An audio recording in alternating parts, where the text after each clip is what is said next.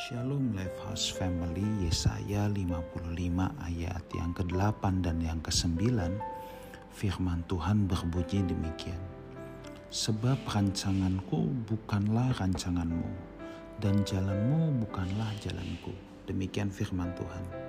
Seperti tingginya langit dari bumi Demikianlah tingginya jalanku dari jalanmu Dan rancanganku dari rancanganmu Saudaraku, sebagai manusia kita pasti punya banyak rancangan dalam kehidupan ini. Sebagai manusia adalah wajar kalau kita punya banyak plan, kita punya banyak keinginan dan kita tentunya mengharapkan apa yang menjadi keinginan kita, apa yang menjadi rancangan kita, apa yang kita pandang baik itu dapat terlaksana. Kita pasti akan berusaha mempersiapkan jalan kehidupan kita yang ada di depan uh, menjadi sebuah jalan yang baik, jalan yang mulus di mana kita bisa melewatinya dengan uh, banyak kebaikan dan banyak sukacita. Tetapi persoalannya dalam hidup ini sering kali saudara ya, rancangan kita tidak terlaksana. Jalan yang kita pikir akan mulus di depan, yang kita pikir ini jalan bebas hambatan, ternyata menjadi jalan yang penuh hambatan jalan yang kita pikir mulus. Nggak taunya menjadi jalan yang penuh gelombang. Ya tentunya ini merupakan tantangan saudara ya. Bagi saudara dan saya bagi kita semua. Tetapi firman Tuhan pada kesempatan ini mengingatkan kita bahwa rancanganku bukanlah rancanganmu jalanmu bukanlah jalanku. Nah kuncinya di mana saudara? Kuncinya ada pada begini. Kita berserah sama Tuhan yang paling penting yang pertama kita hidup dalam kebenaran ya. Kita hidup jalan lurus sesuai jalannya Tuhan. Orang yang berserah sama Tuhan itu bukan orang yang nggak ngapa-ngapain. Orang yang berserah sama Tuhan itu adalah orang yang menghidupi kebenarannya, menghidupi firmannya, baru dia bisa dikatakan dia berserah sama Tuhan.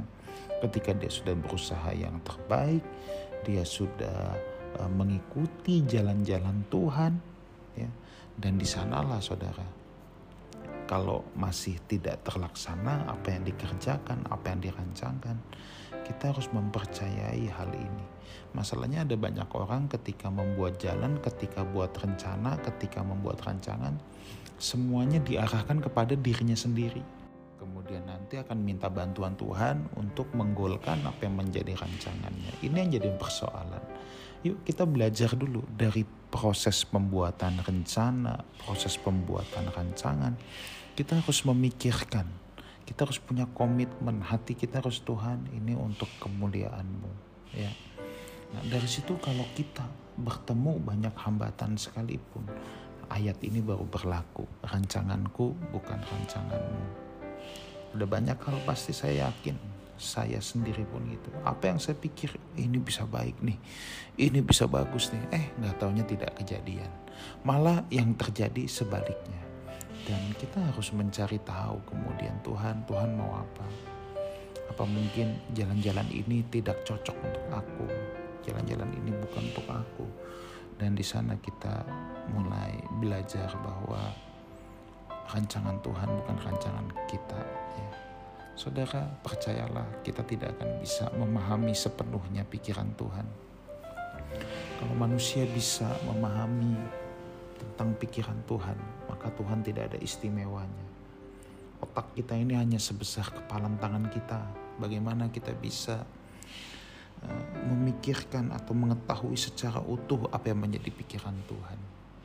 Tugas kita adalah hidup dalam kebenaran, mempercayai Dia. Saya percaya ketika kita punya motivasi yang tulus, hati kita selalu terpaut dengan Tuhan, maka ada saatnya saudara ya, ada saatnya bahwa kita akan berjalan di jalannya, di jalan Tuhan yang tinggi. Tuhan akan bawa kita naik. Tuhan Yesus menyertai kita semua. Amin.